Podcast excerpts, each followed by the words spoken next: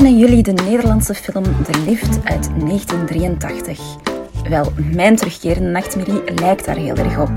Het ziet zo. Ik stap in de lift in het appartementsgebouw van mijn oma en ik druk op verdieping nummer 4.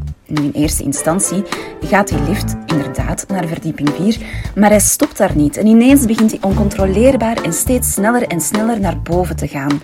En soms stopt hij tussen twee verdiepingen, maar ik durf niet uit te stappen, want ik ben bang dat de lift me in twee gaat hakken terwijl ik eruit klauter.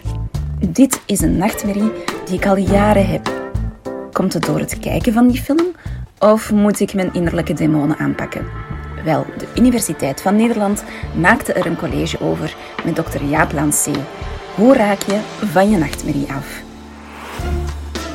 Dit is de Universiteit van Vlaanderen. Je loopt s'nachts in een donkere straat. Om je heen beweegt ergens een donkere gestalte, maar je weet eigenlijk niet waar. Je draait je om en dan opeens zie je voor je. Paniek, je wilt wegrennen, maar het lukt niet. Je schreeuwt, er komt geen geluid. En dan word je zwetend wakker. Je hebt een nachtmerrie gehad. Nou, hebben de meeste volwassenen wel eens een nachtmerrie. Zo ook ik. Ehm, de nachtmerrie die mij het meeste bijstaat is een droom over, over zombies. En in die droom over zombies droom ik uh, dat ze mij natuurlijk willen opeten. En ik heb een horloge en daarop kan ik zien hoe lang ik nog te leven heb. Als ik iets slims doe, neemt de tijd toe. Als ik iets doms doe, neemt de tijd af. En zie ik als het ware die tellen naar nul gaan en dat mijn laatste uur geslagen heeft. En zo zie je maar, het ene moment kan het een spannende droom zijn, het andere moment een hele nare droom, een nachtmerrie. Ik ben een slaaponderzoeker. Ik doe onderzoek naar nachtmerries. Ik heb veel patiënten gezien met nachtmerries. En die patiënten die hebben er vaak ook last van, ook overdag. Maar wat zijn nou eigenlijk die nachtmerries? Uh, en wanneer wordt een droom een nachtmerrie? En uh, kun je ze ook behandelen? Nou, in dit college wil ik antwoord geven op deze vragen. Eerst dat woord, nachtmerrie. Veel mensen dat, uh, denken dat het iets te maken heeft met een paard, een, een merrie, zoals ook in het beeld te zien is. Dat is eigenlijk niet zo. het gaat over een mare, een demon. En die demon die ging s'nachts als het ware op je borst zitten en die drukte op je borst en dat veroorzaakte nachtmerries. Heel naar natuurlijk. Um, gelukkig hadden ze een oplossing. Wat ze deden was, ze zetten pantoffels naast het bed neer en zetten ze met de punt naar het bed toe. En als die mare dan s'nachts in je bed wilde kruipen, dan stapte die als het ware in die pantoffels en dan zat hij vast en dan kon hij niet naar je toe komen. Dan had je geen nachtmerries. Fantastische oplossing. Is dat natuurlijk niet zo realistisch en weten we ondertussen wel wat meer over die nachtmerries. Wat zijn nou nachtmerries? Nachtmerries zijn uh, emotioneel zeer nare dromen met een duidelijk verhaal. En meestal schrik je er ook uit wakker. En als je eruit wakker schrikt, dan zie je dat je uh, weet waar je over gedroomd hebt. Als dat niet zo is, dan is het ook geen nachtmerrie geweest. Nou, je hebt nachtmerries eigenlijk in twee smaken. Van de ene kant posttraumatische nachtmerries. Dat zijn nachtmerries over nare gebeurtenissen. Dus bijvoorbeeld dat je uh, een ongeluk hebt meegemaakt. Aan de andere kant heb je ook thematische nachtmerries. En dat zijn bepaalde thema's waar je over droomt. Dat kan van alles zijn. En in mijn geval dat bijvoorbeeld die zombies waar ik over droom. Nachtmerries komen vrij vaak voor. 2 tot 5 procent van de algemene bevolking heeft één of meer nachtmerries per week. En je ziet ook als je uh, kijkt naar uh, de geestelijke gezondheidszorg, uh, dat het veel vaker voorkomt. Zelfs 30 procent van de mensen in de psychiatrie heeft één of meer nachtmerries per week. En als mensen één of meer nachtmerries per week he hebben, zie je ook vaak dat ze er last van hebben. Nou, wat voor last dan? Ten eerste verstoort het natuurlijk de slaap. Daarnaast is het zo dat ze emotioneel daar overdag vaak nog mee bezig zijn of zelfs nog beelden van hebben. En je ziet ook dat mensen die veel nachtmerries hebben ook vaak andere psychologische klachten hebben. Daarbij is het ook zo dat mensen die nachtmerries hebben, dat die een verhoogde kans hebben op het ontwikkelen van een psychose in het later leven en ook uh, vaker uh, zelfmoord plegen. Dat zijn risicofactoren, komt natuurlijk niet zo heel vaak voor, maar het zijn wel hele erge dingen die kunnen gebeuren. Dus die nachtmerries zijn heel vervelend. De vraag is, kan je er ook wat aan doen? Nou, voordat je dat kan beantwoorden, wil je eigenlijk kijken naar wat die nachtmerries precies zijn. En om ze goed te begrijpen, is het uh, belangrijk om eerst dromen te begrijpen. En als je dromen wil begrijpen, moet je eigenlijk eerst daarvoor weer wat over slaap en slaapstadia weten. Nou, wij allemaal slapen 7 tot 7,5 uur per nacht. Dat kan per persoon ontzettend verschillen. Um, maar gemiddeld is het 7 tot 7,5 uur. En in die slaap zijn verschillende slaapcycli. En uh, één zo'n cyclus die bestaat eigenlijk uit verschillende stadia. Nou, wat er nou gebeurt is, uh, je begint natuurlijk met wakker zijn. Ik ben nu ook wakker. Um, en dan zie je dat de hersenactiviteit best wel actief is. Dat is niet zo gek. Ik doe allemaal dingen, ik ben nu bezig, ik ben aan het praten, ik ben aan het nadenken. Dus je ziet snelle hersenactiviteit. Nou, in de slaap zie je eigenlijk dat die hersenactiviteit langzaam steeds langere, langere golven krijgt. Die langere golven die, uh, uh, zeggen niet zozeer dat, dat er niet zoveel gebeurt. Er gebeurt van alles in die hersens. Uh, maar je ziet wel langzamere golven. En dat is ook ehm, dat je, als je daaruit wakker wordt, zeg maar, gemaakt, dat het dan heel moeilijk is om, om te weten waar je bent. Dus dan nou, zijn mensen heel groggy. Die langzame golven, die zijn vooral aan het begin van de nacht, dus die diepe slaap. En wat er dan gebeurt is eigenlijk vanuit die diepe slaap dat de golven steeds sneller en sneller worden. En uh, dan lijken de golven op een gegeven moment best wel weer op wakker zijn. En dan zou je dus eigenlijk verwachten dat je weer wakker wordt. Alleen dan gebeurt er iets bijzonders. Dan kom je in de remslaap, dat is de rapid eye movement slaap. Slaap waarin de ogen snel bewegen. Dus uh, daar, vandaar de naam rapid eye movement slaap. Wat zo bijzonder is in die slaap, is dat je dan van je nek naar beneden volledig verlamd bent. Dus je kan je, je, je niet meer bewegen. En dat is maar goed ook is namelijk ook de slaap waarin je vooral droomt. En stel dat je in je droom inderdaad um, kunt bewegen, dan zou dat heel gevaarlijk kunnen zijn. Het is duidelijk dat die remslaap een functie heeft. We weten nog niet precies wat de functie is, maar we zien wel dat het een duidelijke functie heeft. En um, we zien nu steeds meer dat het uh, bijvoorbeeld belangrijk is voor het uh, geheugen en voor het aanleren van bepaalde dingen. Dus wat je bijvoorbeeld ziet is dat als je leert skiën, dat, dat daarna de, de remslaap heel belangrijk is. Dat dat terugkomt in de dromen, dat dat repeteren belangrijk is. Een andere belangrijke functie van die remslaap is het angstgeheugen. Dus uh, iets van het verwerken van emoties lijkt daar belangrijk te zijn. Dus die remslaap, die heeft een functie. Dat zegt alleen nog niet dat de dromen ook een functie hebben. Nou zijn er uh, best veel mensen die zeggen... nou, misschien heeft het wel helemaal geen functie, is het gewoon een restproduct. Dus je hebt remslaap en daar komen die dromen dan bij. Uh, weer andere mensen zeggen dat het wel degelijke functie heeft. Zo zie je bijvoorbeeld dat uh, je bijvoorbeeld ook weer gaat dromen over, over het skiën. Of dat het inderdaad over angstdingen gaat. Dus misschien is het wel een integratie van bepaalde geheugendingen die ook in je dromen plaatsvindt. Zo ook misschien wel het voorbereiden op gevaar.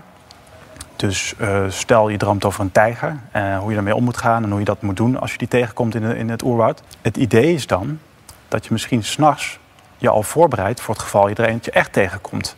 Dus als je er dan eentje echt tegenkomt, dat je weet wat je moet doen. En dat lijkt misschien wel een evolutionair voordeel te hebben. Dus dat zou dus echt wel een, een nuttige functie kunnen zijn. Terug naar die dromen. Um, want het is belangrijk om te weten hoe die dromen nou precies ontstaan. Dus uh, een van de ideeën hoe, hoe dromen ontstaan is dat uh, het begint als het ware met willekeurige beelden die uh, gevormd worden in de hersenstam. Nou, hoe gaat dat dan? De, de hersenstam die worden bepaalde zenuwcellen actief. En die zenuwcellen die activeren op hun beurt weer eh, een gebied in het midden van de hersenen, namelijk het limbisch systeem. Nou, het limbisch systeem is weer belangrijk voor emoties en het omgaan met emoties. Nou, dat limbisch systeem op zijn beurt zorgt er weer voor dat uh, de, uh, in het achterhoofd het visuele systeem wordt geactiveerd. En dat visuele systeem zorgt er als het ware dat er bepaalde beelden op je netvlies geprojecteerd worden. En daar maak je je brein dan als het ware weer een verhaal van. Nou, dat verhaal lijkt dan weer gestuurd door bepaalde emoties en verwachtingen. Nou, een andere theorie is dat die, die dromen niet per se over willekeurige beelden gaat, maar dat het eigenlijk veel meer gaat over dingen die je hebt meegemaakt of waar je over hebt nagedacht. Dat zou dan weer verklaren waarom je bepaalde uh, dromen heel erg huistuin- en keukendromen zijn. Dus bijvoorbeeld uh, boodschappen doen of wat dan ook. En in alle gevallen is het dus zo dat die beelden dus weer gestuurd worden door emoties en verwachtingen. Nou, dat legt zich waarschijnlijk het beste uit aan de hand van een voorbeeld. Um, stel, ik heb een rapport met een deadline, dus ik ben keihard aan het werk om die deadline aan te halen. Dan is de kans best wel aanwezig dat ik s'nachts ook weer over dat rapport ga dromen. Immers, ik ben er veel mee bezig geweest, heb er veel over nagedacht. Nou, kan het zo zijn tegelijkertijd dat tijdens het dromen over dat rapport... dat er dus zo'n willekeurig beeld vanuit mijn hersenstam op mijn netvlies wordt gevuurd. Bijvoorbeeld een kangoeroe. Dan kan je dus tijdens het dromen maar aan één ding tegelijk denken. En uh, integreer ik als het ware die twee beelden. Dus ik heb van de ene kant dat beeld van die kangoeroe... en aan de andere kant dat rapport. En voor je het weet schrijf ik een rapport over kangoeroes. En het interessante is, omdat je in een droom maar aan één ding tegelijk kunt denken, uh, is het helemaal niet gek. Dus je vindt het opeens heel normaal, normaal dat je een rapport schrijft over kangoeroes, terwijl ik helemaal niks van kangoeroes weet en zelfs nog nooit in Australië ben geweest. Nou, omdat ik een kangoeroe best wel leuk vind, wordt het waarschijnlijk een vrolijk rapport of een leuk rapport en dus een fijne droom. Maar dat is dus hoe een droom kan ontstaan. Het zegt nog niets over hoe een nachtmerrie kan ontstaan. Nou, werkt het eigenlijk een beetje hetzelfde. Dus we gaan weer terug naar die droom over die tijdsdruk.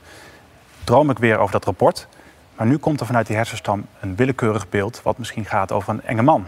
Die nare man die, die, die kan ik dan opeens interpreteren als een nog nadere man, wat dan weer zorgt voor een beeld van bijvoorbeeld zombies. En voor je het weet, zit ik dus dan in de droom van de zombies, dat ik bezig ben met de klok en uh, als het ware niet weet hoe lang ik nog te leven heb. Dus dan krijg je dus die samenspel van die verwachtingen, die emoties en die willekeurige beelden en het huistuin- en keukenverhaal tot een hele nare droom. Omdat ik het dus verwacht en dat het de emoties zijn die dat dus weer sturen. En dan heb ik opeens een nachtmerrie gehad. Maar wat we uit onderzoek weten is dat uh, veel nachtmerries herhalend zijn. Dus uh, veel mensen die uh, veel nachtmerries hebben, hebben altijd terugkerende nachtmerries. Het is niet altijd over die zombies zoals ik nu vertelde, maar vaak meer over misschien ook wat meer dingen die ook in het dagelijks leven kunnen gebeuren, zoals bijvoorbeeld conflicten. maar die zombies is een goed voorbeeld. Dus wat er dan gebeurt is dat ik bijvoorbeeld die nachtmerrie heb gehad over die zombies. Maar dat roept natuurlijk heel veel angst op. En dan is het niet zo gek dat ik de volgende dag, als ik dan wakker ben, daar niet over na wil denken. Dus wat ik ga doen, is het wegdrukken en vermijden. Um, tegelijkertijd, als ik dat vermijd, of dat dus niet over na wil denken, dan krijg je als het ware een verhaaltje of een script, zoals we dat dan noemen, dat in de hersens wordt gegraveerd. Dat verhaaltje, dat zit gekoppeld aan emoties. En eigenlijk wat het is, is dat het ene beeld het andere beeld oproept door die emoties en die verwachtingen. Dan wordt het niet zomaar geactiveerd, het is niet zomaar dat dat script start. Het is alleen wel zo dat als er dan weer bijvoorbeeld zo'n willekeurig beeld is, dat dat misschien juist weer uh, dat nachtmerrieverhaal kan activeren. Het enige is dat daardoor dan die, die, die verhalen zeg maar, steeds verder worden ingesleten. Dus die emoties worden steeds verder ingesleten. En dan wordt op een gegeven moment de kans steeds groter dat ik weer die nachtmerrie krijg. Want de drempel wordt als het ware verlaagd. Dus is het eerst zo dat ik uh, moet dromen over een zombie om die nachtmerrie te starten. Is het daarna misschien wel zo dat ik uh, een man met een mes richting een zombie gaat. En op een gegeven moment een man in het algemeen. En op een gegeven moment um, nou ja, misschien zelfs alleen al een klok die mijn uh, zombie-droom start. Dan heb je dus een herhalende nachtmerrie waar je last van hebt. Oké, okay, nou weten we dus hoe uh, die herhalende nachtmerries ontstaan. En dan wil je er eigenlijk natuurlijk ook vanaf. Want die nachtmerries, daar heb je last van en uh, die zijn vervelend. Nou, gelukkig is er een goede behandeling voor nachtmerries. Uh, dat heet Imagery Rehearsal Therapy in het Engels. In het Nederlands heet het inbeelden en veranderen. Het is een psychologische behandeling en die maakt eigenlijk gebruik van het herhalende element van die nachtmerries. Wat je dan gaat doen, is het als het ware dat verhaal tot in detail overdag opschrijven. Nou, dat schrijf je dan op en dan ga je op een gegeven moment kijken, wat is nou het naaste moment van die nachtmerrie? Nou, in mijn geval is dat, dat, dat die klok als het ware die keihard terugloopt en ik weet dat het mijn laatste moment geslagen is. Dat is ook het moment net voordat ik wakker word. Dat zie je eigenlijk bij heel veel mensen, dat het het moment is net voordat ze wakker zijn. Stel dat je dat moment hebt, dan ga je overdag vragen, hoe zou ik nou willen dat deze nachtmerrie afloopt? Alles kan. Het is een droom, dus alles mag. Uh, zolang het maar goed voelt voor de patiënt. Dus je kan bijvoorbeeld, uh, of ik kan bijvoorbeeld opeens een bel in mijn handen hebben en die zombies in stukken hakken. Maar ik kan ook uh, gered worden door helikopters die uit de lucht komen en mij, mij meenemen. Het kan ook zijn dat ik bijvoorbeeld die zombies een hand geef en ja, opeens vrienden met ze word. Belangrijk is dat het voor mij goed voelt. Nou, wat je dan gaat doen, is dat verhaal overdag inbeelden en ervoor zorgen dat in eerste instantie die, die, die negatieve emoties flink omhoog gaan. En daarna dat je dus als het ware, die, die, die, als het verhaal verandert, dat die negatieve emoties weer omlaag gaan. Dat ga je doen, overdag inbeelden en dat ga je meerdere malen in de week doen. En wat er dan gebeurt, wat we dan zien, is dat de emotionele lading van die droom als het ware afneemt. En dat je waarschijnlijk ook wat meer controle ervaart over die droom. En dat zorgt er dan voor dat de nachtmerries uiteindelijk s'nachts niet meer terugkomen. Dat, dat, is niet altijd even makkelijk. Dus als je, zeker als je heftige nachtmerries hebt of als je uh, posttraumatische nachtmerries hebt, is het verstandig om dit met professionele hulp te doen. Maar het kan wel. Nachtmerries zijn wel degelijk te behandelen. En uh, deze manier is daar heel goed voor. Nachtmerries zijn ontzettend vervelend, roepen allerlei negatieve emoties op, maar je kan er wel wat aan doen. En voor je het weet, ben je zelf vrienden met die zombies en heb je er dus geen last meer van en komen ze nooit meer terug.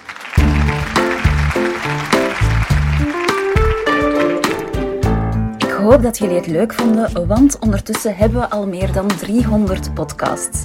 Wil je nooit meer een aflevering missen? Schrijf je dan in op onze nieuwsbrief via universiteitvanvlaanderen.be.